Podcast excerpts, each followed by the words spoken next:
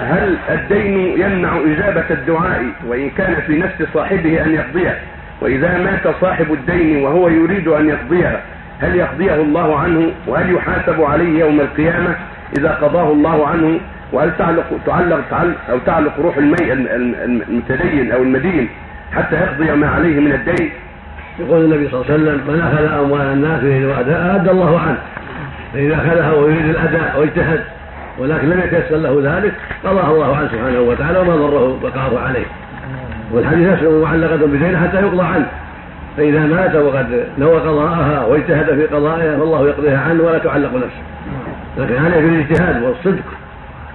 النيات الصادقة يكون معها العمل الصادق.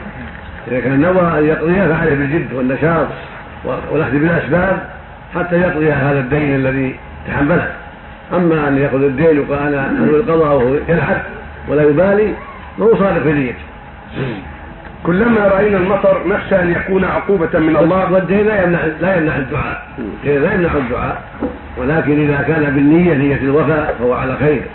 أما إذا كان ظالما يريد أكل أموال الناس فهذا خطر. قد يمنع دعاؤه وقد تمنع إجابة أعماله وقد يصيبه اضرار عظيمه بسبب أعماله القبيحة.